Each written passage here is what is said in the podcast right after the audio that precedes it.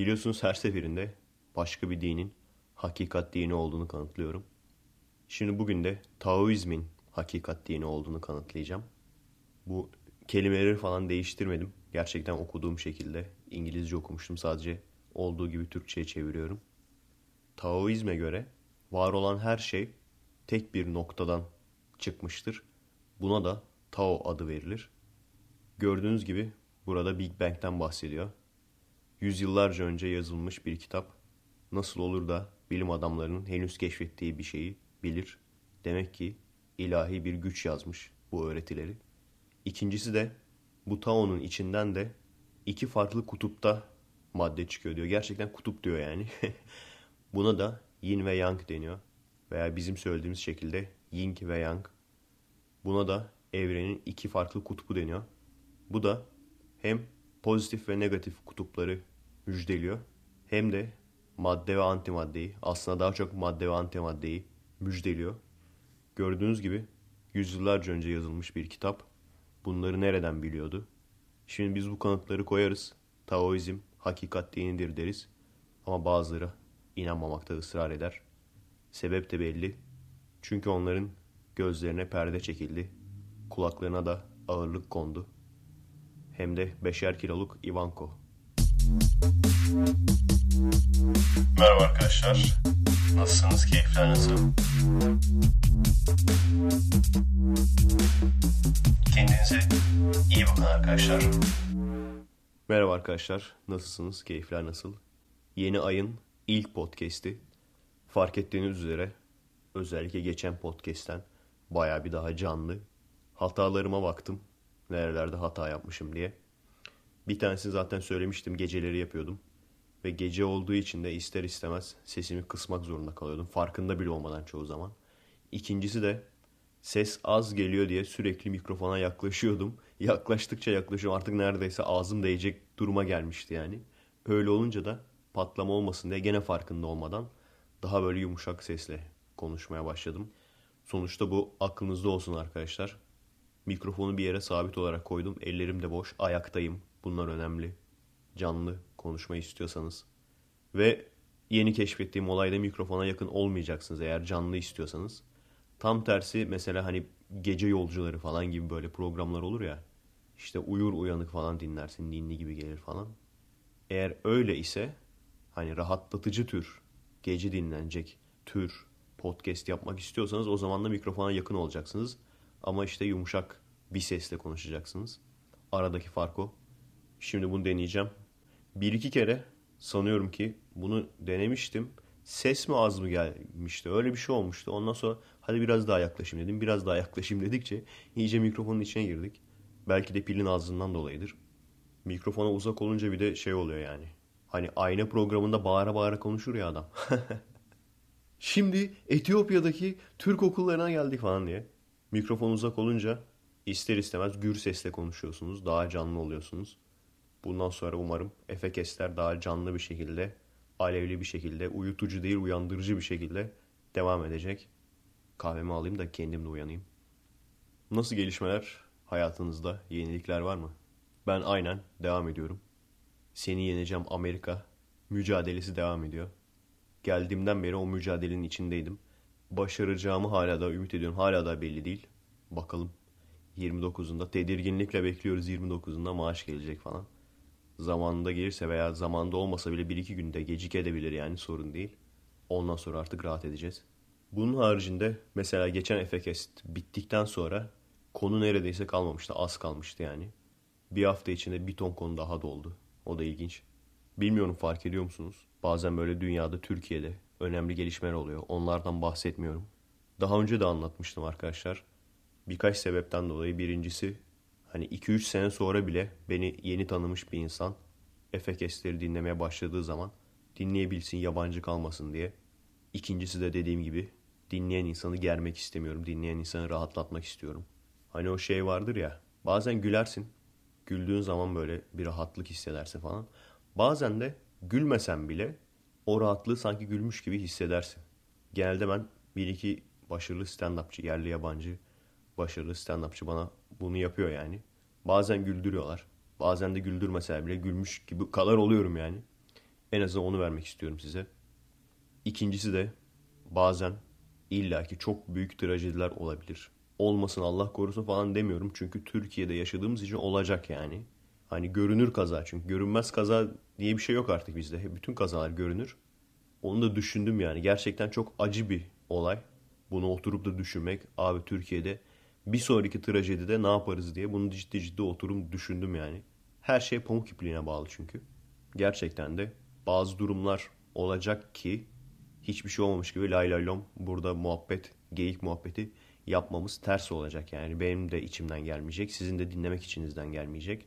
O yüzden o zamanlarda efe kesti yapmayacağım. Bir haftalığına yapmayacağım mesela veya iki haftalığına yapmayacağım. Ne bileyim işte deprem oldu. Maden çöktü vesaire.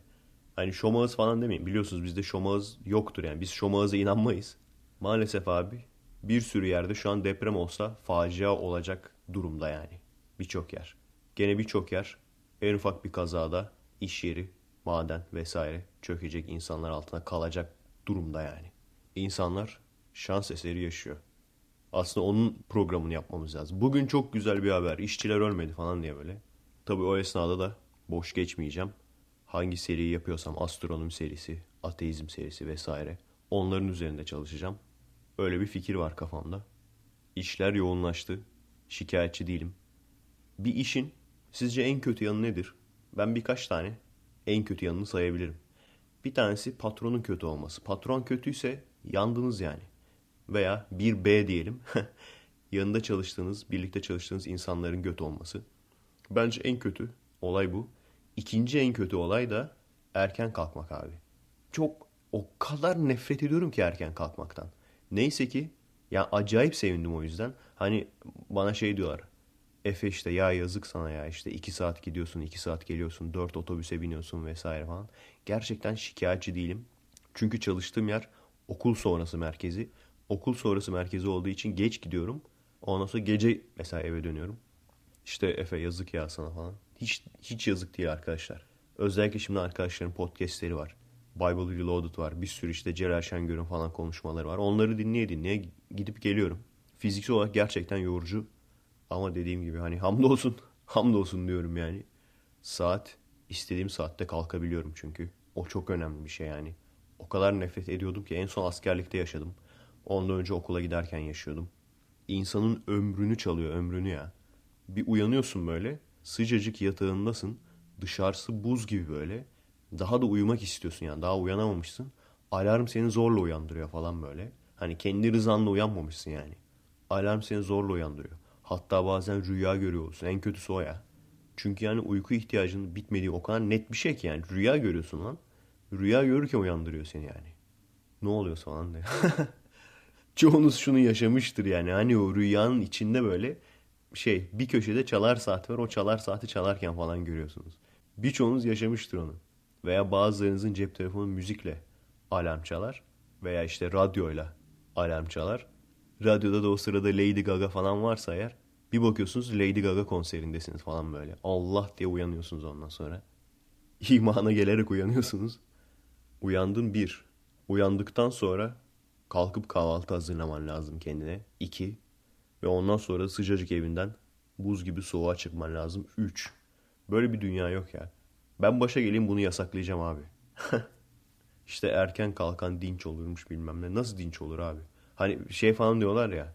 İşte erken yatarsan alışırsın falan. Alakası yok.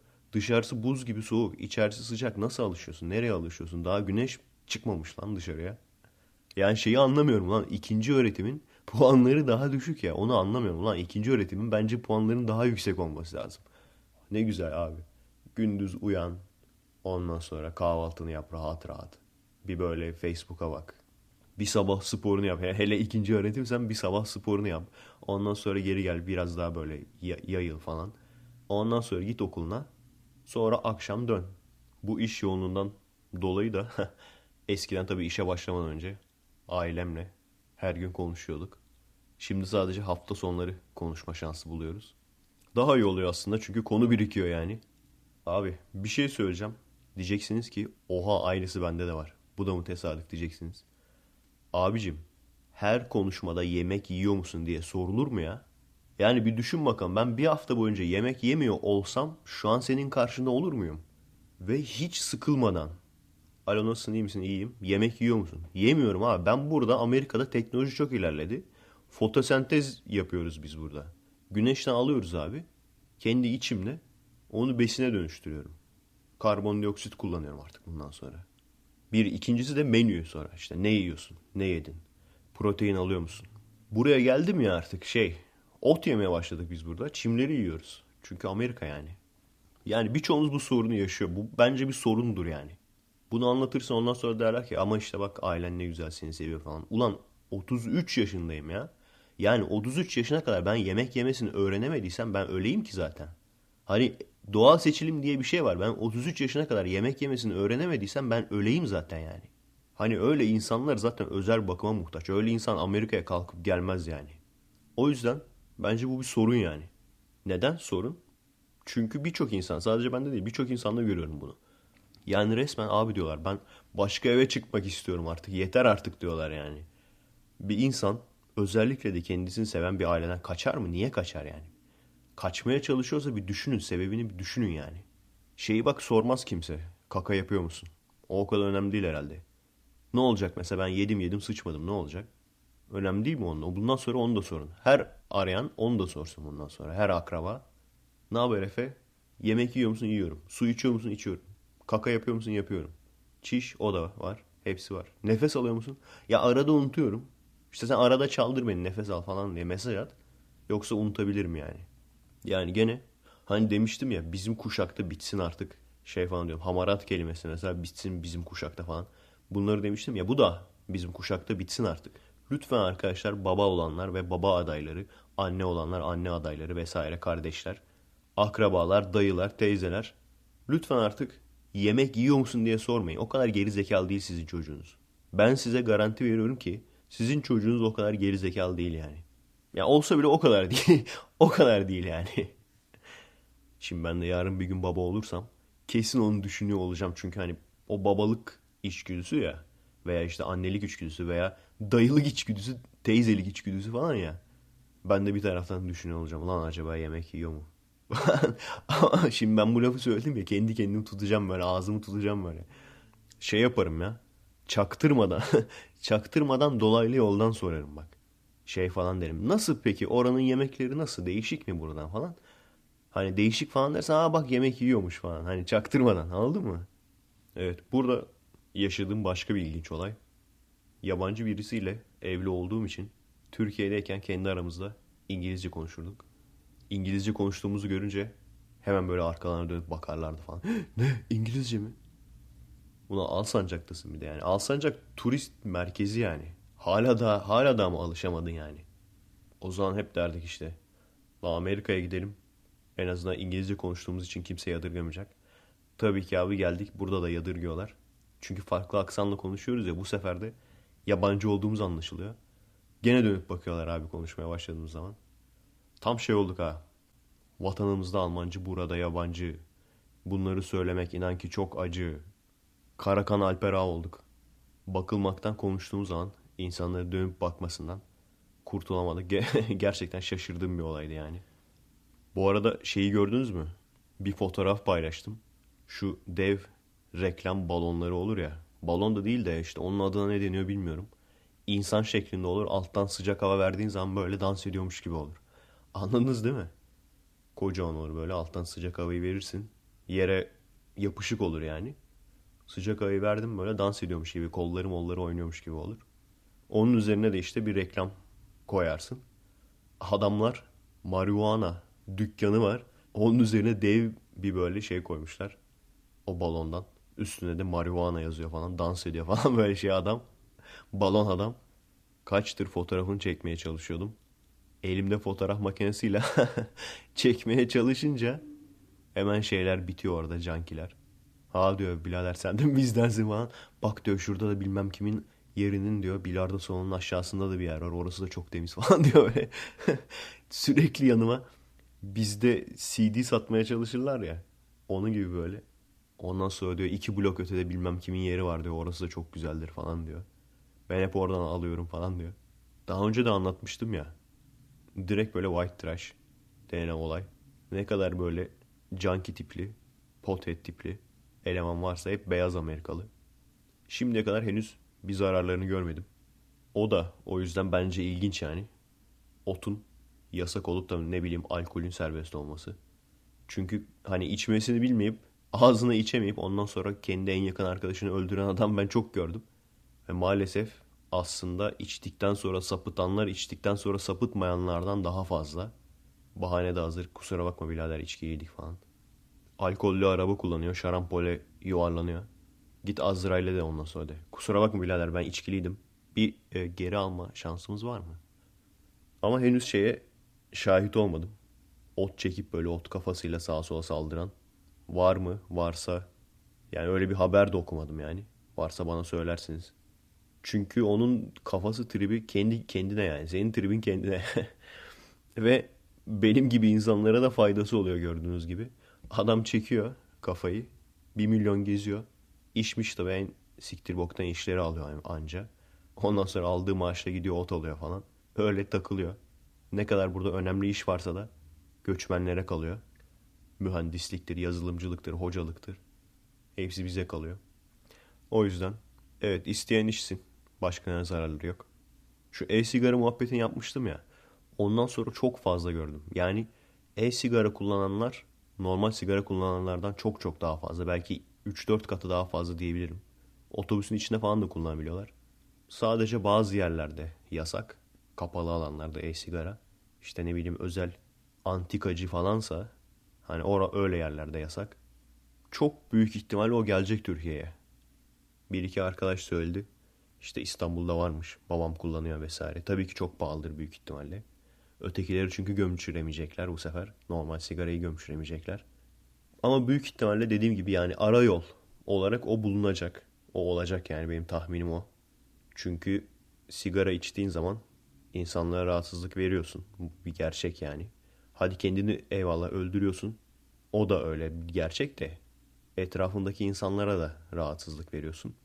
E onlar bize rahatsızlık vermeyecekler. Öteki tarafta adam sigarasız da kalamaz yani. Ne, ne yapsın o da? Bir alıştı mı çünkü nikotine? Duramıyor yani. Adam ben şey biliyorum ya ben tamam lan diyor. Parasını vereceğim artık yeter. Cezası neyse vereceğim artık yeter dayanamıyorum falan diye adam biliyorum yani ben. O yüzden büyük ihtimalle o gelecek herhalde. Ama dediğim gibi yani insanlar kullanmak isteyen kullansın ama ben siz kullanmayın yani abicim. Beni biliyorsunuz beynin ayarıyla oynayan her şeye karşıyım. Kesinlikle ne kadar masum olursa olsun beynin ayarıyla oynayan her şeye karşıyım ben. Çünkü beynin ayarıyla oynadığın zaman sonra normal hissedebilmen için aynı maddeleri kullanman gerekiyor bir noktadan sonra. Bağımlılık denilen olay o.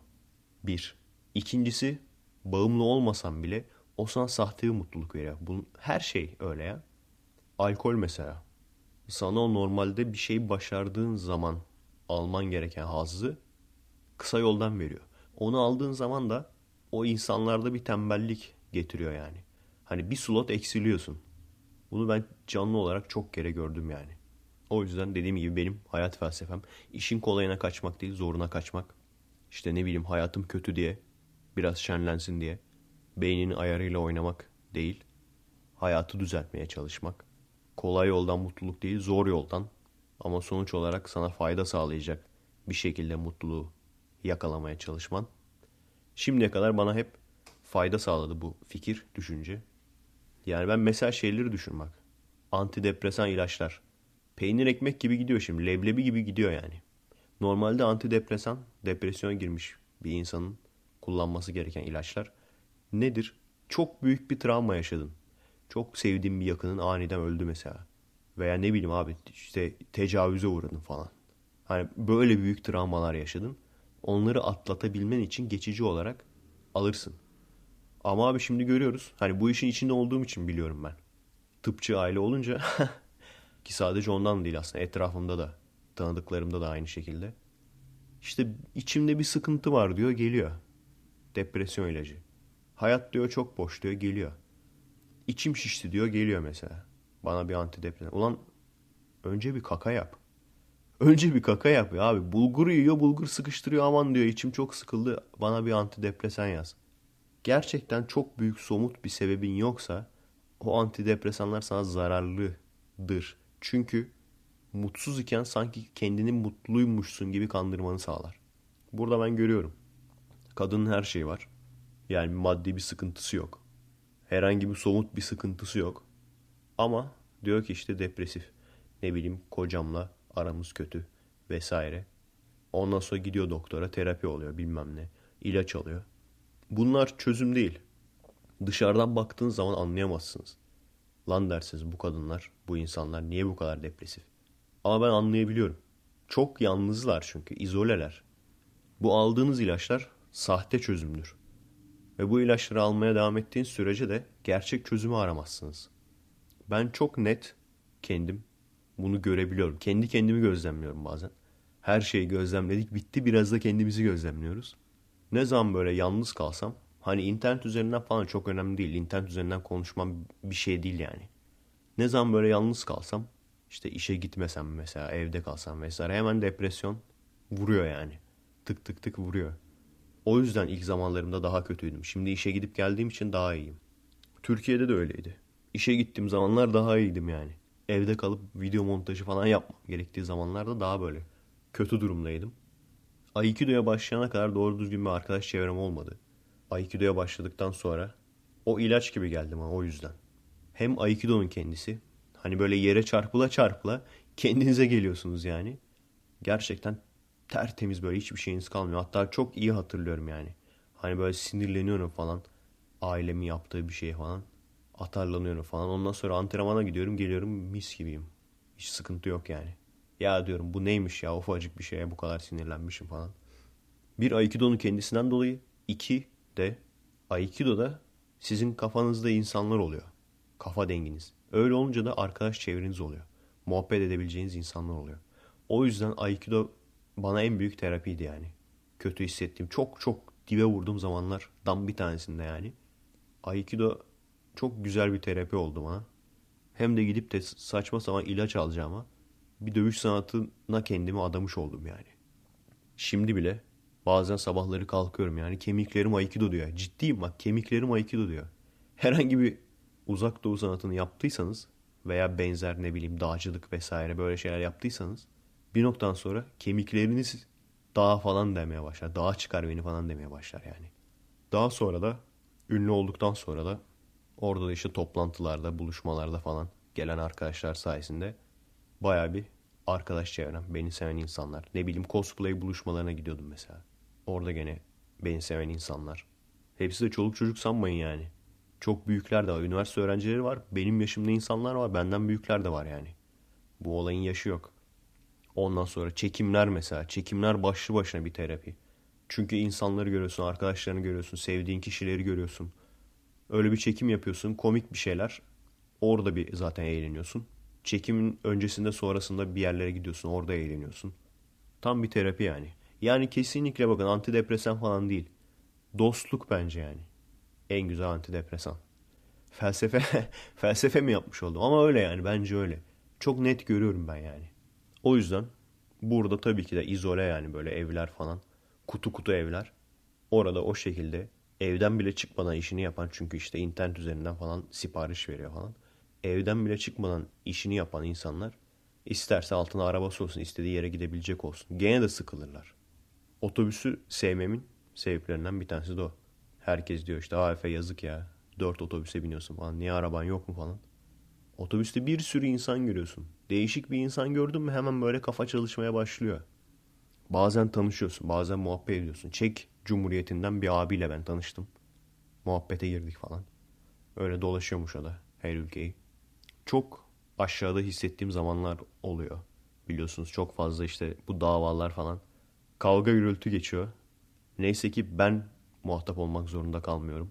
Avukat abimiz Aktan abi, Aktan Durduran dinden dolayı kendisine dava açılan olan varsa bu işi gerçekten severek kalpten yapan sırf işte iş olsun diye yapmayan bir abi olduğu için tavsiye ederim yani.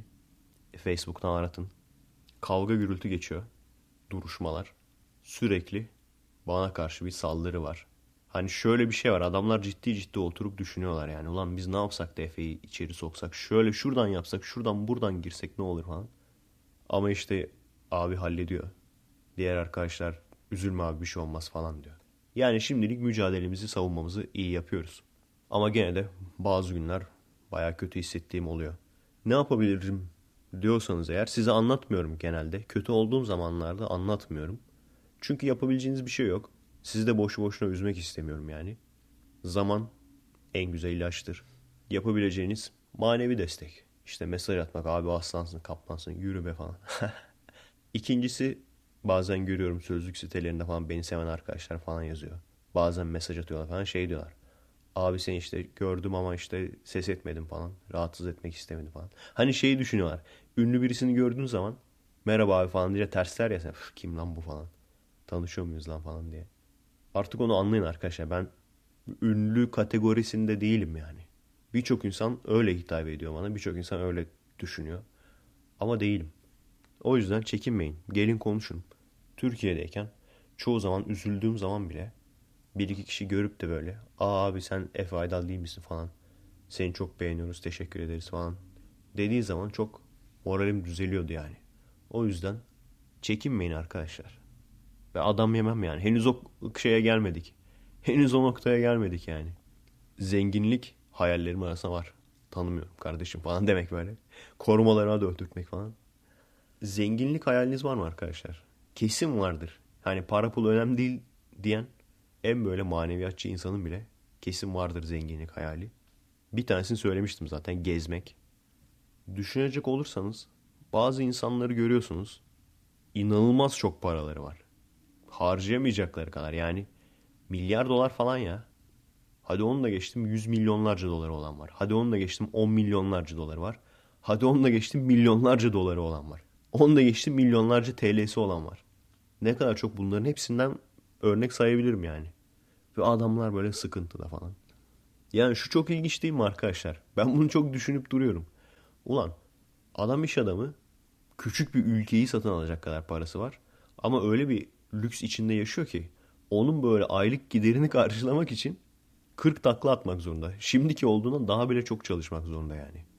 Veya işte bazı kişilere bağlı. Yani o parayı almış ama bazı kişiler sayesinde almış. O parayı almaya, o çeşmenin akmaya devam etmesi için o adamlara yalakalık yapması lazım. Yani insanın aklı almıyor yani. Milyardersin. Milyarder olmana rağmen gidiyorsun insanlara kaç kişiye yalakalık yapıyorsun hala da. Ulan benim 1 milyon TL'm bak. Dolar da değil. 1 milyon TL'm olsa kralını tanımam ya. kralını tanımam yani. Şey yaparım ya. Bugün ne çeksek ya falan. Zaten işmiş. Hepsini böyle hobi olarak yaparım. Ya derim şurada bir Aikido dersi vereyim. Arada giderim Japonya'ya. Faiziyle böyle tamam mı? Faize koy. Faiziyle arada giderim Japonya'da falan böyle. Oradaki insanlara falan bakarım. Ne bileyim ufak bütçeli film çekerim. Oradan gelen parayla başka bir şeyler çekmeye çalışırım. Yani kralını tanımam sonuçta. 1 milyon TL'm olsa kralını tanımam yani. Sizin için de aynısı geçerli değil mi? Yani o kadar parayla hala da milletin elini ayağını yalamak zorundaysan o zaman niye kazanıyorsun ki sen o parayı abi? Çok saçma bir olay yani. Birincisi gezmek. İkinci hayalim evimi böyle çok güzel yapmak. Ama onu da düşünüyor. Ulan düşünüyorsun düşünüyorsun. Yapsan yapsan ne kadar harcayacaksın yani. Onun da bir sınırı var. Yani şeyi idrak edemiyorsun. Bu herif ne bileyim 10 milyon doları evine nasıl harcamış? idrak edemiyorsun yani. Ve içine bakıyorsun mobilyalar falan zevksiz falan böyle. Hayvan gibi pahalı ama zevksiz mobilyalar. İşte klozete altın kaplama falan bilmem ne. Mücevher koymuş. Ondan sonra diyorlar ki biz maymundan mı geldik? Göster maymuna parlak bir taşı. Nasıl seviniyor bak. Var mı bir mantığı? Hadi varsa söyle. Parlak bir taşın insanı mutlu etmesi. Varsa söyle abi led ışık takayım ben seni. Cam taş koyalım. Onun içine ledli ışık takayım. Parlasın bütün gün yani. Diyorum ya abi. Hani bekar olsam kesin şey yazarlar altta. Oo Efe abi sen bu kafayla hayatta evlenemezsin falan. Gerçekten de öyle. Eğer Türkiye'de olsaydım Türkiye'den birini bulmam gerekseydi çok zordu yani. Evlenebilmem. Çünkü kız materyalist olmasa ailesi öyle. Kız da biraz ailesini bahane ediyor falan. Ama diyor ailem istemiyor öyle. Bayağı davullu olsun falan düğün. İşte tek taş falan tak. Ulan o takacağım tek taşa çamaşır makinesi, bulaşık makinesi, buzdolabı alırsın. Bir düşün iki dakika düşün yani. Hani kesin ben evde kalmıştım abi. ben kesin evde kalmıştım yani. Ailem tek taş istiyor'nun mantığını yani işte şey diyor herhalde bak bizim kızımız için kaç ay çalıştı o kaç ay çalıştığı parayı attı çöpe. Bir taş aldı onunla. Başka ne yapayım abi? Zencilerle inşaata da gideyim istersen kızın için. Bak diyeyim kızın için ne yapıyorum? Çat çat çat. Çat çat derken alkışlıyorlar yani beni. Bravo falan. Neyse. Evlilik demişken bu arada. Evlilik yaşı konusunda artık iyice bokunu çıkarmış adamlar paylaşıyorlar internette. Adam şey diyor bir yaşında da evlenir ama işte 9 yaşına kadar cinsel ilişkiye girmemek lazım falan. Hani bir kere şeyin tartışmasına girmiyorum. Hani bizim dinimizde böyle bir şey yok. Aslında cevap belli. Ama o ayrı bir tartışma konusu olduğu için ona girmiyorum. Tartışma konusu olmayan bir şey var ki böyle sapık adamlar var. Gerçekten. Çoluğa çocuğu hallenen. Bizde mesela 15 yaş, 10 falan da düşmesini isteyen adamlar maalesef var. Artık yok demeyin yani. Var abi. Hala mı inkar edersiniz? Adam portakala hallenecek yani. Dur abi şu portakalda vitaminken falan evleneyim ben diye. Hani siz şeyi falan görüyorsunuz anlam veremiyorsunuz değil mi? Ağaç kovuğuna hallenen adam falan. Allah atıyorsunuz ne yapıyor bu adam sapık mı falan. Sapık değil aslında. Şimdi o küçük yaş hani yaş sınırlaması yok ya. O ağaç böyle büyüyecek, dallanıp budaklanacak. Ondan sonra o dallardan portakal olacak. Ondan sonra o portakaldan vitamin olacak. Ondan sonra vitamini babası yiyecek. Babası yedikten sonra çocuk yapacak. O çocuk büyüyecek ondan sonra. Hani almış yani o ağacın sahibi olan adama vermiş başlık parasını önceden hani şey gibi kooperatife girmek gibi yani. Vermiş başlık parasını. Kooperatifte de öyle olur ya. Önceden bir para verirsin o adam o parayla malzeme falan alır. Ev yapar ondan sonra. Senin verdiğin o başlık parasıyla da adam ağaç dikmiş. Hani o ağaçtan portakal olsun da bana vitamin gelsin de çocuk yapayım diye. O yüzden adam aslında ağaç kovuğunu halleniyor yani. Sen yanlış anladın sen onu aslında. Hani sapık falan değil. O yüzden böyle adamlara evrimi anlatmaya korkuyorum. Ha diyecek biz maymundan mı geldik falan. Gidecek maymunu hallenecek ondan sonra al başına bir AIDS dalgası daha. AIDS'in çıkışı hikaye no 2. Madem biz maymundan geldik o zaman daha insan olmadan ben bunu halleneyim. Geçen podcast'in sonunda şey demiştim ya. Uzun süreden sonra Cem Yılmaz'ı dinledim falan diye. İlginç şeyler yaşadım. Bir yerde şeyi anlatıyor ya. Zencileri anlatıyor ya. İşte zenciler agresiftir falan. Ye ye falan. Niga falan der. O muhabbeti yaparken yanımdan öyle agresif rapçi zenci geçti ya. Bir taraftan kulaklıktan. Kulaklık da dışarı ses veriyor. Adam Türkçe anlasa dalacak yani. O niga lafını falan duysa dalacak yani. Bir taraftan yanımdan geçiyor adam. Bir taraftan Cem Yılmaz o adamdan bahsediyor işte. Böyle çok ilginç şeyler yaşıyorum ya. Bir ara bu bizim İzmirli rapçiler var ya. Yarı amatör yarı profesyonel. Onların şarkılarını dinliyordum. Adamlar da böyle arada şey olsun diye. Hani özeniyorlar. Homie falan diyorlar. Bir keresinde West Coast dedi adam. West Coast deyince tam o sırada abi otobüsle gidiyordum. West Coast diye bir dükkanın önünden geçtik. Tam o sırada ama. Bu da mı tesadüf? Açıklayın. Sonra şey var. Cem Yılmaz'ın yaptığı palyaço muhabbetini hatırlıyorsunuzdur. Herhalde sevmediğim, daha doğrusu soğuk bulduğum 2-3 muhabbetinden bir tanesi. Bir tanesi zaten şey, astronomi muhabbeti. İşte demiş ya bir çocuğa ne okuyorsun? O da demiş uzay bilimleri. Cem Yılmaz da demiş sen zıplamaya başla. Ben geliyorum falan. Millet gülüyordu falan ama işte ben uzay bilimlerinden mezun oldum. Zıplamaya başladım. Bak buraya kadar geldim abi. Maalesef. Yani bir noktadan sonra eski abiler de dinozor moduna girecekler. Uzay bilimleri mi o ne lan falan diye güldüreninden kara delikleri anlatırken güldürenine geçiş yapacağız yani. Evrimi anlatırken, kara delikleri anlatırken, pulsarları falan anlatırken güldürenine geçiş yapacağız. İkincisi şey muhabbeti Aikido. Sanırım gitmiş hoşuna gitmemiş Aikido.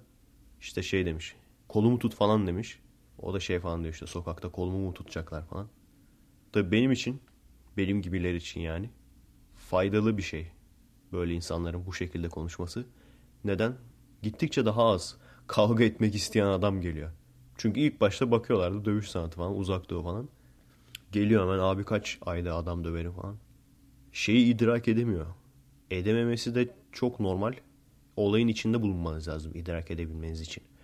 Adam döveceğim mantığıyla girerseniz adam dövemezsiniz ve dayak yersiniz. Net. Dövüş ile kendini korumak aynı şey değil. Birçok kişi bunu da idrak edemiyor. İşte işin içine girmek lazım. Tabii o kolumu tutma muhabbetleri falan ilk etapta yapılan şeyler. Bazı hoca tamamen öyle gösteriyor. Yani işin dövüş kısmını hiç göstermiyor. Bazı hoca, bizim hoca mesela işin dövüş kısmını da gösteriyor. Çok sertti yani. Bizim de çok hoşumuza giderdi. Çünkü abi oraya zaten stres dolarak geliyoruz. Orada da güzel bir dayak yiyelim de stresimiz gitsin diye gidiyoruz yani. Hani orada bütün ders boyunca nefes aldırtırsan adamlara nefes egzersizi, nefes al nefes ver. Bütün ders bunu yaptırırsan adam gelmez tabii yani. yani maalesef Aikido'da, diğer dövüş sanatlarında da öyle. Aikido'da e, bu işi gerçekten hiç bilmeyip bildiğini iddia eden ve bunu da maalesef kanıtlayacak belgesi olan çok insan var. Bir. ikincisi de bilen, işi bilen ama e, bu işi dövüş sanatı olarak yapmayan insanları kaçırmamak için de çok insan var. Yani maalesef adam biliyor ama şunu düşünüyor. Lan diyor benim bu işten para kazanmam lazım. Üniversiteli çoluğa çocuğa ben dersi versem bu adamlar para veremez. O yüzden de ben bu işten geçimimi sağlayamam. Nasıl geçimimi sağlarım? Zengin iş adamları stres atsın diye gelecek. Onlar da bir ton para bırakacaklar. O zaman ne oluyor? Zengin iş adamlarına uyan hale getiriyorlar. İşte sert teknikler yok. Bel üzerine atmalar yok. Koşinageler yok. Hani işin ilginci millet sanıyor ki çok para verirsem süper öğreten yere gideceğim. Aslında tam tersi abicim. Az para verip gittiğin yerler tecrübeyle sabittir. Ben Aikido için söylüyorum. Diğer dövüş sanatlarını bilmem. Az para verip gittiğin yerler senin ağzını burnunu dağıtıyor. o yüzden eğer sen gençsen bu işi de böyle hardcore öğrenmek istiyorum diyorsan en pahalılarına bence gitme. Çünkü en pahalıları daha çok zenginlere hitap ediyor. Zenginlere hitap ettiği için de insanları fazla kastırmıyor. Diyorum ben. Kendi düşüncem. Ve tecrübem tabii. Her neyse büyük ihtimalle Cem Yılmaz da tabii en pahalı bir yere gitmiş. Ve böyle hayal kırıklığı yaşamış. Ama dediğim gibi insanların bu şekilde konuşması bizim işimize geliyor. Adam dövmeye gelmiyorlar en azından. Abi ne zaman adam döveceğiz falan diye. Ve diğer bir soğuk bulduğum, soğuduğum muhabbeti de palyaço muhabbeti. Orada da şeyi anlatıyor işte. Bir palyaço varmış. Çok komikmiş herkes işte çok gülermiş falan. Ama işte kendisi çok üzgünmüş falan. Ondan sonra işte doktora gitmiş. Doktor ona bir palyaçoyu tavsiye etmiş. Adam da demiş ki o palyaço aslında benim falan. Bu aslında benim bildiğim kadarıyla bir hikaye değil. Böyle çok uzun bir opera mı? Öyle bir şey olması lazım. Çok böyle kısa bir hikaye değil aslında yani onun. Yani bu hikaye onun kısaltılmış versiyonu gibi bir şey. Şimdi öncelikle o palyaço benim. Gerçekten insanları güldürmek zorunda olmanın zor yanlarından bir tanesi bu. Yani güzel yanları var, kolay yanları var ama zor yanlarından bir tanesi bu. Ne olursa olsun o gün ne yaşamış olursanız olun veya hayatınızda ne oluyor olursa olsun hepsini YouTube, hepsini YouTube abi. Hiçbir şey yokmuş gibi burada güle oynaya şen şakrak muhabbet yapmanız lazım. Evet merak etmeyin. Şu an şunu düşünüyorsunuz değil mi? Abi sen şimdi böyle neşeli konuşuyorsun ama kesin bir sıkıntı var. Yok şu an iyiyim arkadaşlar. İyiyim yani. Diyorum ya size. Kötü olduğum zaman zaten bunun muhabbetini yapmam. Çünkü çözebileceğiniz, sizin yardımcı olabileceğiniz bir şey yok. Boşu boşuna üzülürsünüz yani. O yüzden şu an iyiyim arkadaşlar. Çok teşekkürler. Özellikle manevi destekleriniz beni çok mutlu ediyor. Maddi destekleriniz de bir o kadar mutlu ediyor. O ayrı mesele de. Psikolojim arada bozuluyor. Hani psikolojim bozuldu lafını şey olarak kullanırlar ya abi çok moralsizim falan. Hayır gerçekten psikolojim bozuluyor yani bazen. Bu ama şeyden dolayı yani hani alıştığım bir yerden geldin çok farklı bir yere geldin falan. Nasıl bozuluyor mesela? Son zamanlarda çok fazla askerliği hatırlar oldum yani. Çok fazla şey bana askerliği hatırlatıyor. Hiç şey muhabbetine girmeyin. O muhabbetleri hiç sevmem. Ya senin de yaptığın askerlik mi? Ben bir askerlik yaptım falan. Yani onu biri çok güzel özetlemiş. Bizim insanımızda, bizim insanımıza özgü yani. Öyle bir olay var, özellik var yani. Adama desen ki inşaata beni 10 kişi götürdü. Takır takır atladılar bana. Adam şey diyecek. O da bir şey mi lan? Bana 20 kişi bir atladı. Öbürü diyecek. Bana 30 kişi atladı abi. Yani hani o da bir şey mi muhabbetiyle gelmeyin bana. Ben çok kötüydü, şöyleydi böyle demiyorum. Ortalama bir askerlik. Ama değişikti yani. Hani çok kötü veya çok iyi falan demiyorum ama değişikti yani. Değişik olduğu için de birçok şey aklımda kaldı. Bilmiyorum. Belki de şeyden dolayı da olabilir yani. Adana'nın havası farklı ya. Buranın havasının kokusu da belki Adana'yı andırıyor olabilir. Çünkü koku en güzel hatırlama aracı diye bir laf vardır. Sesten falan daha etkili derler. Dışarıya çıkıyorum mesela. Hafiften böyle bir soğuk hava ama böyle şey de var. Sis de var. O sisin de kokusunu da hafiften alıyorsun yani. Görüyorsun kokusunu da alıyorsun hafiften. Ondan sonra abi biraz yürürken sağdan soldan hafiften paslanmış demir kokuları geliyor. Direkt abi askerlikte sabahı hatırlıyorsun. Kalkıyorsun işte. içtimaya geçiyorsun. Oralar hep pusluydu. Manzaralar müthişti. Müthiş bir manzara yaptık yani. Karakolun manzarası. Torosları görüyordu direkt. Ondan sonra da tabii o silahın da demir kokusu. Çok ilginç.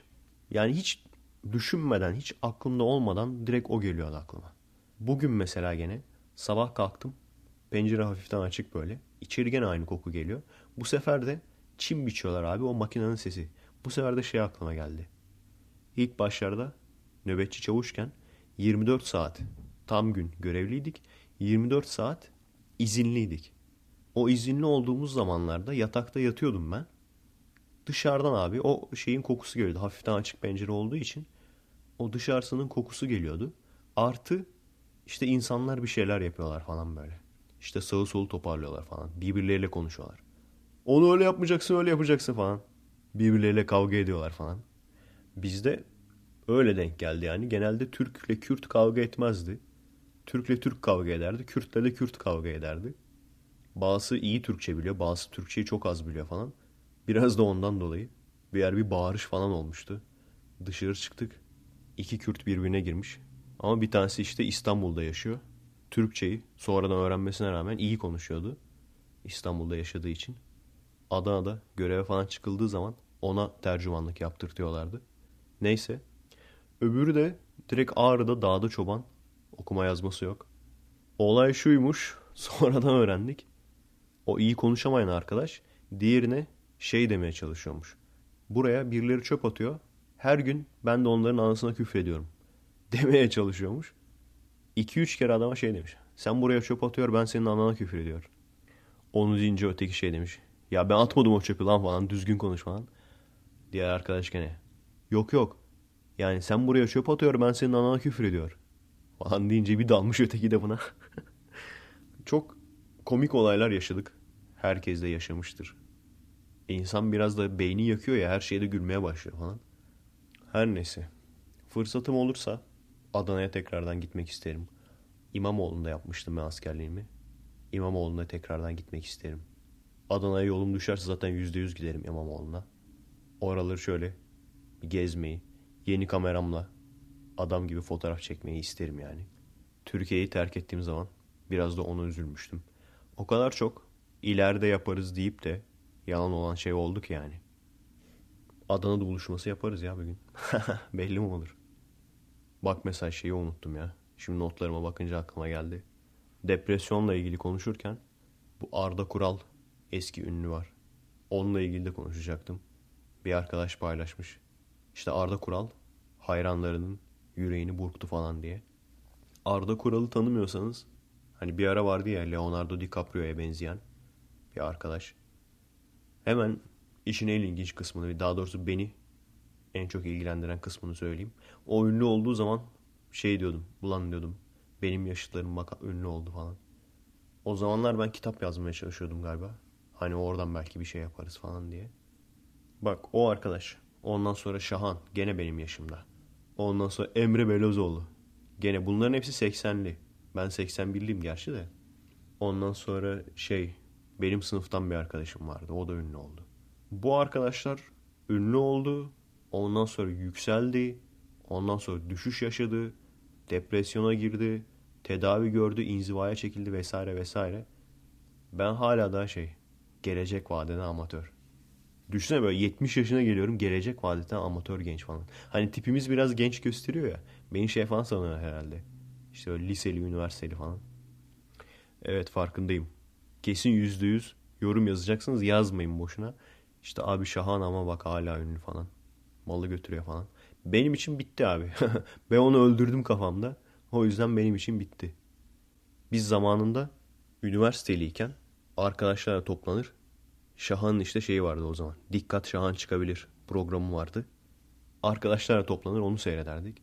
Şimdiki arkadaşlar bilmez. Ve gülerdik. Sonradan tek başıma seyrettiğim zaman pek gülmedim gerçi de. Grup olunca da daha böyle az gülünecek şeyleri de gülünüyor ya. Gülerdik, hoşumuza giderdi, mutlu olurduk yani. Bir de böyle hani ortak muhabbetini yapacağımız da bir konu olmuş olurdu. Orada yapılan esprileri kendi aramızda falan yapardık. Şeyden bir de hoşumuza gidiyordu. Birincisi tabii bizim yaşlarımızda olduğu için. Ha işte bak gençlerini de anlayan birisi çıktı falan bizden biri çıktı falan diye. İkincisi de saçmalıkları adam gibi eleştirebildiği için. O zamanlar şeyin en kötü zamanlarıydı. Olacak o kadar. Ondan sonra rating hamdi. Bunların falan en kötü zamanıydı. Hani sonradan olacak o kadar bir geri dönüş falan yaptı. Her ne kadar felaket kötü de olsa işte biraz anti AKP, biraz muhaliflik falan la biraz döndürdü bir süre. Her neyse Şahan'ı sevme sebebimiz buydu yani.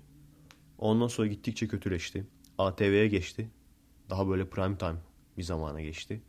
Bir iki programı hatırlıyorum hiç güldürmemişti yani. Ondan sonra dedik herhalde Şahan bitti artık. Ki gerçekten de o zaman işte bitti yani Şahan bizim için. Ondan sonra o Recep İvedik karakteri Dikkat Şahan Çıkabilir'in içinden bir karakterdi aslında. Ve komikti abi. Orada seyrettiğimiz Recep İvedik skeçleri komikti. Sonra filmini çekti. Bayağı bir küfrettik. Hani birçok kişi şey diyor. İşte Recep İvedik bir fena değildi, güzeldi ama işte iki kötüydü falan. Birçok kişi böyle diyor çünkü gerçek Şahan'ı bilmiyorlar. Biz gerçek Şahan'ı bildiğimiz için Recep İvedik çok kötü gelmişti bize yani. Ondan sonra da adam oradan malı götürdü. Sonuçta kesinlikle mesela adam AKP'li falan çıktı ya. Yani dama çıkıp çocuğunu keser insan yani böyle bir haberi görünce. Çünkü adam her şeyi eleştiren bir adamdı. Her türlü saçmalığı eleştiren bir adamdı falan. İşte gençlerin sevgilisi falan filan. Ölmüştü zaten üstüne toprak örttük. O hareketiyle. Şeyde falan da iyice cilasını yaptı. Ahmet Hakan'a falan böyle. Şarkı marka yazmış ya saçma zaman. Yani bir insan 3-4 kere mi ölür? Öldükçe ölüyor adam yani. Helal olsun. Yani onu işte bilmeniz lazım. Haklı bile olsan ki bence haksızdı veya ikisi de haksızdı diyelim. Ama haklı bile olsan sen büyük biriysen, ünlü biriysen çoluk çocuk gibi internet üzerinden milletle polemiğe girmeyeceksin yani. Bunu koskoca profesörler bilmem neler bile yapıyor. Richard Dawkins işte adam akademik olarak başarılı olduğu için ünlü oluyor. Ünlü olduktan sonra da hadi diyor Twitter dünyasına gireyim. Twitter dünyasına girdikten sonra milletle atışmaya başlıyor falan. Bazı söyledikleri yanlış anlaşılıyor. Yanlış anlaşılıyor değil gerçi de.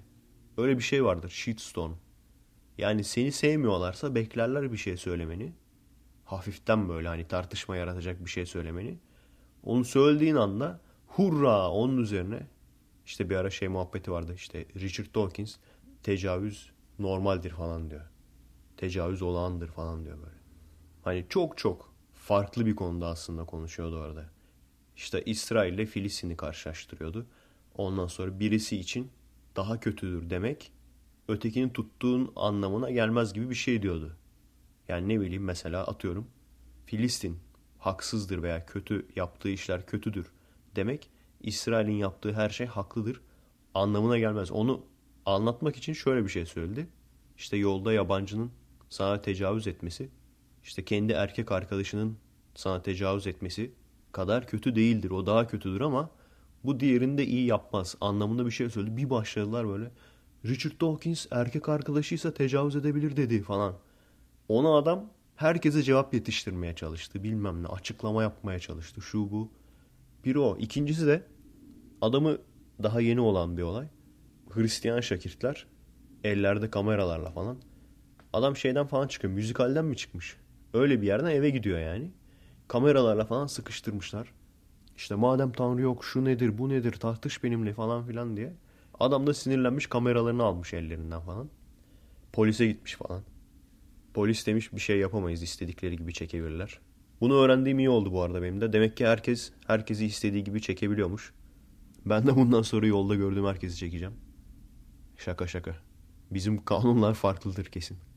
Öyle bir riske girmem merak etmeyin. Bizde zaten direkt şey ya. Hani bir mekanı çekiyorsun abi.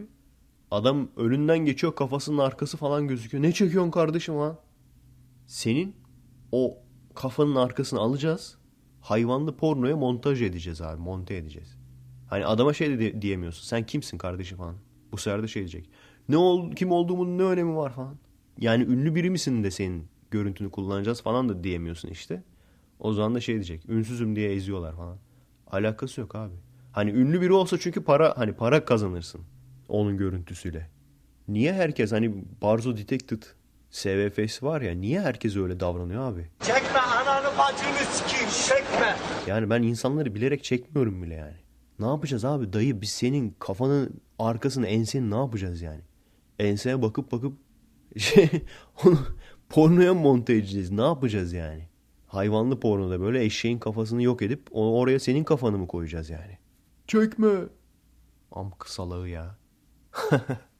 Her neyse abi ne? Konu dağıldı gene. Sonuç olarak işte bir de bunu işte Twitter'da falan paylaşmış. Kameralarını aldım. Ama polise verdim falan filan. Neyse ki bizimkilerin İngilizcesi yok o kadar. Olsa hemen şey diyeceklerdi çünkü.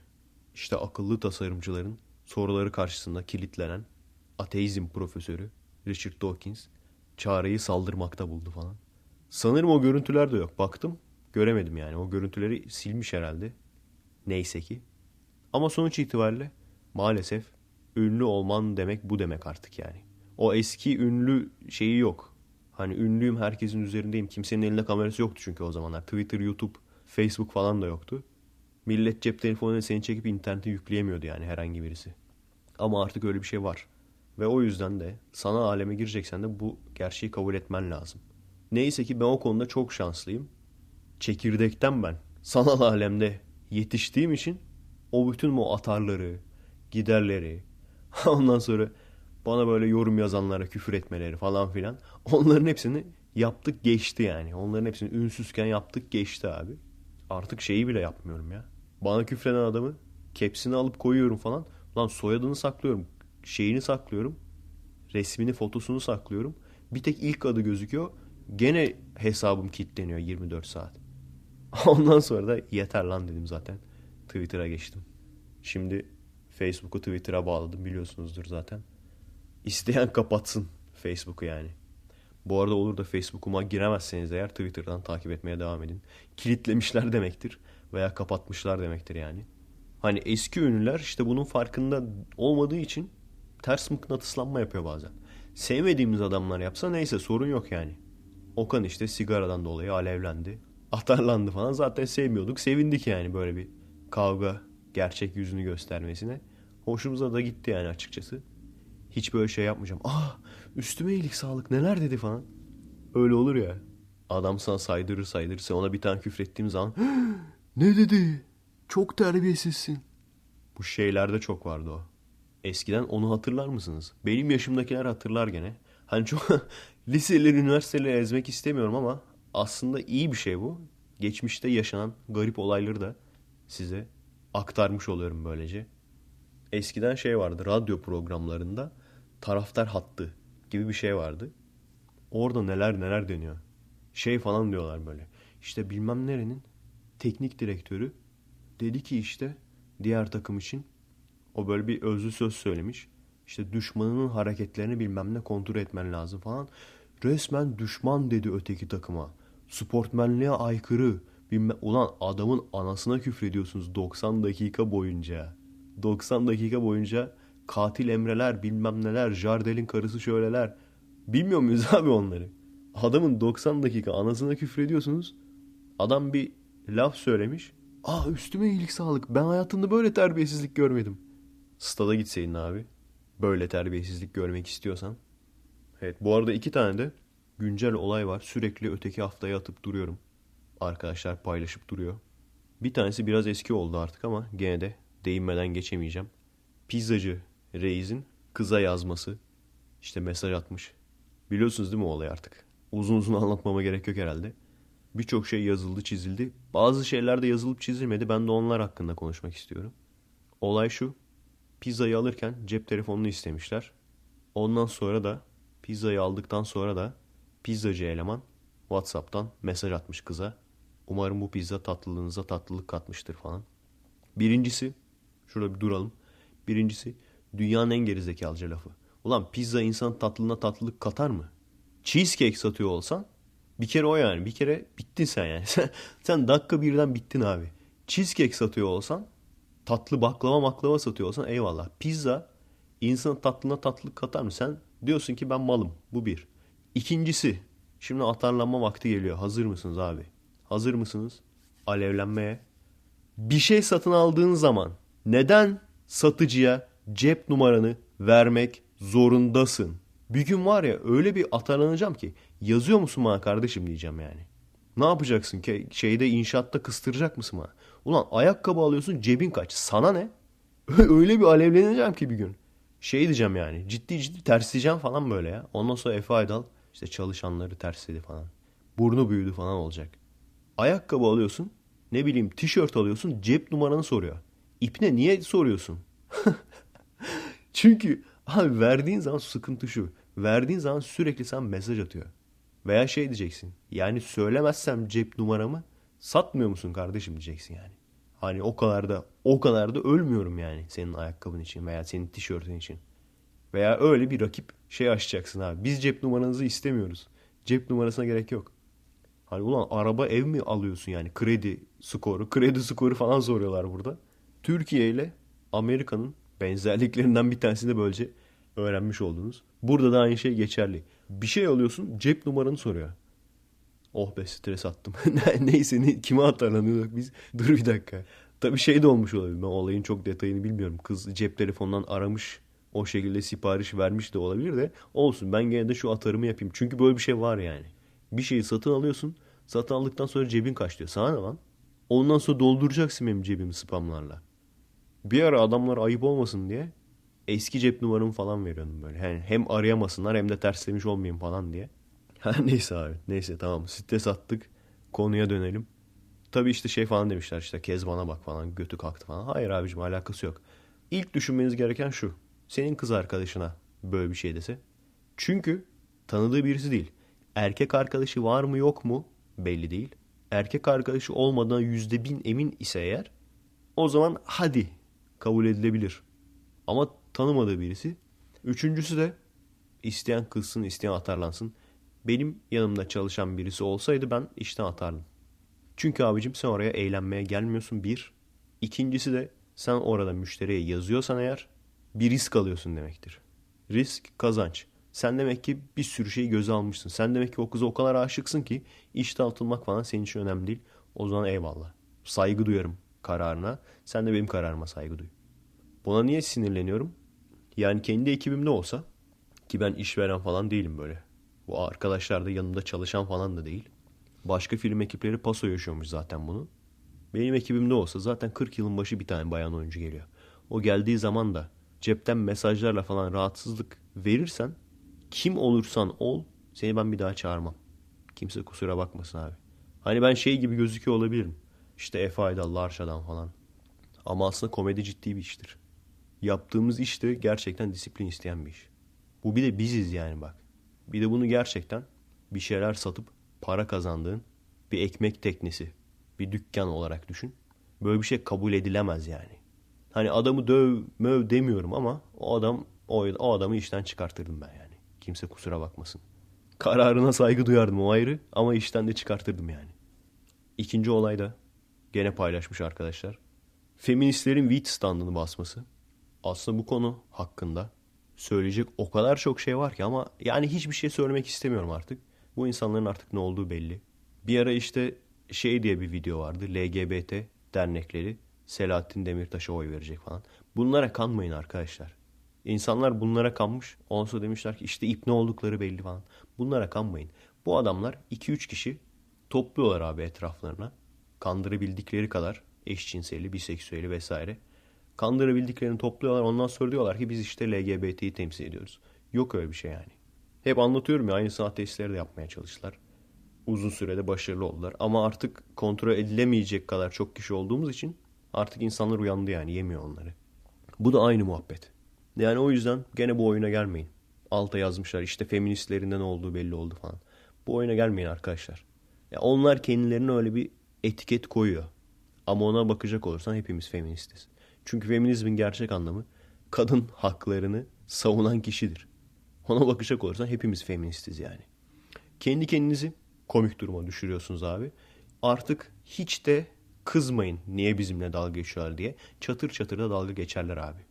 Bak benim şahsi görüşüm. Katılmayabilirsin saygı duyarım. Bence insanlar sadece kadınlar değil erkekler de kadınlar da dış görünüş olarak kendilerine bakmalıdırlar bence. Baksınlar yani. Ama bakmak istemeyen insana da işte ben bacaklarımı ağda yaptırmayacağım. Böyle kıllı kıllı gezeceğim ki ne bileyim işte iç güzellik seven erkek beni beğensin. Diyen varsa da ona da saygı duyarım. Ama sen gidip standı basarsan o zaman insanlar da seninle dalga geçer. Bu arkadaşlar Kezban da demek istemiyorum. Kezbanlığın da bir şanı vardır çünkü. Bir kamyon dolusu seçme tipi insan. Tipler seçme böyle yani. Seçme feminist. Seçme tipi insan. Gidip wit standına saldırıyorsunuz. İşte gerekçe olarak da kadınlar bacaklarını almasın. Kadınlığı kullanıyorsunuz falan filan. Hepsinin palavra olduğunu biz biliyoruz gerçi de. Orada sizin amacınız siyasi. Onu biliyoruz gerçi de hadi, hadi yedik diyelim. Biz işte bacaklarımızın tüyünü almıyoruz. Kimse almasın, kadın mete olmasın. İki dakika bir düşün abi. Senin erkeğin neden eşeği sana tercih ediyor? Senin erkeğin eşeği sana tercih ediyor. İki dakika bir düşün neden diye. Bana ne? Beni ilgilendirmez. Ama sen iki dakika düşün. Bu olay ne biliyor musun bak? Bir şişman, 120 kilo bir adam. Yolda görseniz dalga geçer misiniz? Geçmeyiz. İnsanlığa sığmaz. Herkes her şey olabilir. Ama bir yerde bir fitness standı olsun. İşte fitness aletleri satan. Bu şişman insanlar da oraya saldırsın. Biz meta değiliz falan diye. E şimdi bununla dalga geçersin abi. Kimse kusura bakmasın yani. Ne diyorduk bu arada? Arda Kural'la ilgili konuşuyorduk. Konu dağıldı gitti bak. Neyse işte Arda Kural şizofren mi olmuş? Öyle bir şeyler diyorlardı. Tedavi görmüş ondan sonra. Hani seyredenlerin, seyircilerin, sevenlerin yüreğini burktu falan diyor ama adam gene de söyledikleri doğru aslında yani. Hani baya parmağını falan emiyor ben. Hani biraz yakmış devreleri o belli de söyledikleri gene de doğruydu yani. Şey diyordu işte Leonardo DiCaprio'ya benzerliğimi kullandım. Paraya ihtiyacım vardı. Bu hayat işte insanı eziyor, yiyor, bitiriyor falan filan. Söyledikleri doğru bence. Ona o kadar üzülmesinler. Adam bence ailesinin yanına gitmiş, inzivaya çekilmiş. Bence iyi yani. Birçok ünlüden, durumu birçok ünlüden bence daha iyi yani şu anda. Tabii o olayın içinde olmak lazım. Bence çok genç yaşta bir anda böyle ünlü olmak gerçekten çok şeyi değiştiriyor. Bir de şey dedi yani ben varoş çocuğuydum falan dedi. Bir anda böyle statü değiştirmek vesaire. Bunlar çok şeyi değiştiriyor. O çok büyük sıkıntı yani. Yoksa onun haricinde ben şeyi anlamıyorum abi. Sürekli bu ünlülerde veya zenginlerde falan görürüz. İşte ünü kaldıramadı intihar etti. İşte ünü kaldıramadı kendini uyuşturucuya verdi terapiye gidiyor falan. İşin ilginç yanı tıbba girecektim ben. Eğer tıbba girseydim de psikiyatri yazacaktım. Benim karşıma böyle birisi çıksa doktor dese çok büyük sorunum var falan. Depresyona girdim kafayı yiyeceğim falan. Nedir abi sorunum? Ya işte çok ünlüyüm. İşte çok zenginim falan. Ağzını kırardım yani anladın mı? Ya çok ünlüyüm, çok zenginim. Ne bileyim abi. Depresyon. Ağzını kırardım yani. İlacım belli abi. Çok ünlüyüm, çok zenginse ver abi paranın birazını bana. Paraları bana ver abi. Ondan sonra zengin olmazsın. Sıkıntında kalmaz yani. Ünlü hastalığı. Ünlü hastalığı abi bu. Hiçbir zaman anlayamayacağım. Ya çok ünlüyüm ne yapsak? Gerçekten ben hayal edemiyorum yani. Biraz da ben şeyden dolayı. İşte dediğim gibi daha önce anlattım yani. Bunun biz kavgasını falan çok yaşadık. Daha ünsüzkenden beri yani. işte seni sevmeyen insanlar. Eleştiriyorum diye hakaret eden insanlar. Yaptığın işe bok atanlar. Küfredenler, hedef gösterenler, söylemediğin şeyi söylemiş gibi gösterenler, söylediklerini çevirip de böyle seni hedef göstermeye çalışanlar. Bunların hepsini yaşadık geçti. Bundan sonra hiç koymuyor artık bana. Bakıyorum internet üzerinden. Bazen retek kendi adamlarıyla çoluk çocuk gibi kavga ediyor. İşte o sözcü sözcüleri varmış. Sözcüye sataşıyor. Sözcü ona sataşıyor. kesin Şirine'yi paylaşamamışlardır. Ama aslında bilseler Şirine'nin profil fotoğrafı öyle ama gerçekte Aysel Tuğluk. Bilmiyorsunuz. Ondan sonra karikateist bayağı bir atarlanmıştı. Eski admini, şu anki admini farklı sanırım. Lan adamlar kendilerine küfredenlerin kepsini alıp dalga geçen bir oluşum. E şimdi aynı adam bana küfrediyor. Aynı admin. Ben de onların aldım kepsini. Şey muhabbeti yapıyor. E Faydal işte biz Roboski Moboski paylaşımı yapıyormuşuz. Eğer bulamazsan da, şey dallama falan diyor böyle. İşte eğer bulamazsan şerefsizsin falan. Ondan sonra bulduk abi. Seyircim sağ olsun. Benim her yerde adamlarım var yani. Hani şey derler ya benim çok yüksek yerlerde adamlarım var. Benim de çok yüksek zekalarda adamlarım var abi. Anında tak diye buldular. Ondan sonra verdik eline ne oldu? Ne olduğunu söyleyeyim. Adam silmeye çalıştık hepsi paylaşımı. Silmeye çalışırken caps aldık. Yani paylaşım duruyor. İşte Roboski'yi unutmayacağız mı ne öyle bir şey tam hatırlamıyorum. Paylaşım duruyor. Üstte de bu paylaşım silinmiştir diye şey var. Uyarı var. Onun kepsini falan aldık böyle. Ne oldu abi?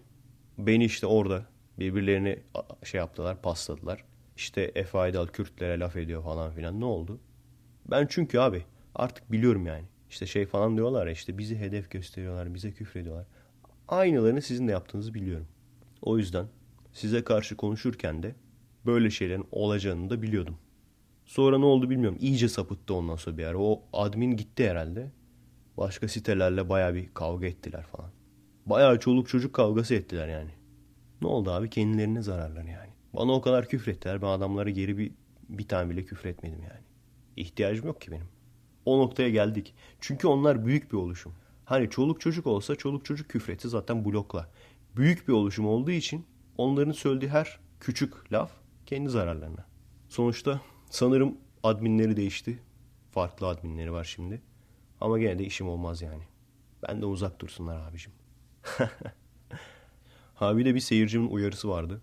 Onu söylemeyi unuttum. Geçen Efekes'te şeyi sormuştum. Yahudilerin arasından da var mı böyle falan diye.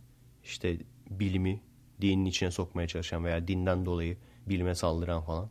Onlarda da varmış söylediğine göre arkadaşın. Şaşırmadım tabii. Ama işte daha böyle kapalı bir grup oldukları için bilmememiz de normaldir. Bir.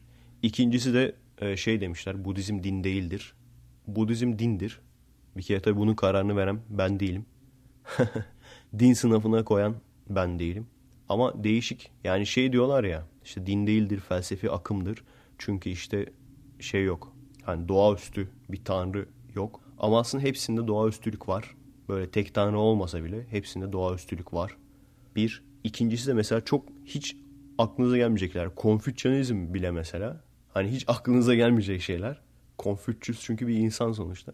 O bile artık bir noktadan sonra din kıvamına geliyor. Konfüçyüs'e de tanrı diyorlar artık yani. Yüzyıllar sonra. Hatta mesela hiç düşünmezsiniz aklınıza gelmez. İşte şey dersiniz işte Budistler, Konfüçyanistler falan felsefe yaparlar falan. Devlet yönetimi Konfüçyanizm olunca direkt öteki dinlere saldırmış adamlar. Budist manastırlarını kapatmışlar falan böyle. Adamlarda bile var yani. Neyse arkadaşlar bu hafta çok konuştum galiba. Ama daha canlıydım. Hem saatten dolayı hem de uzaktan konuştuğum için. İlgilenmem gereken çok montaj var her zamanki gibi. Kesinlikle montajlamamdan daha hızlı bir şekilde çekim yapıyorum. Bir şekilde yetiştirmeye çalışacağız. Bir arkadaş mesaj attı. Abi dedi işte animasyonlarla uğraşıyormuşsun. Animasyonlarda yardımcı olabilirim falan. Onunla konuşacağız falan. Ne olur ne olmaz. Öğreneceğiz. Belki o şekilde bayağı bir hızlanabiliriz. Kendinize iyi bakın arkadaşlar. Haftaya görüşmek üzere. Tontona emanet olmaks. Merhaba arkadaşlar. Nasılsınız? Keyifler nasıl?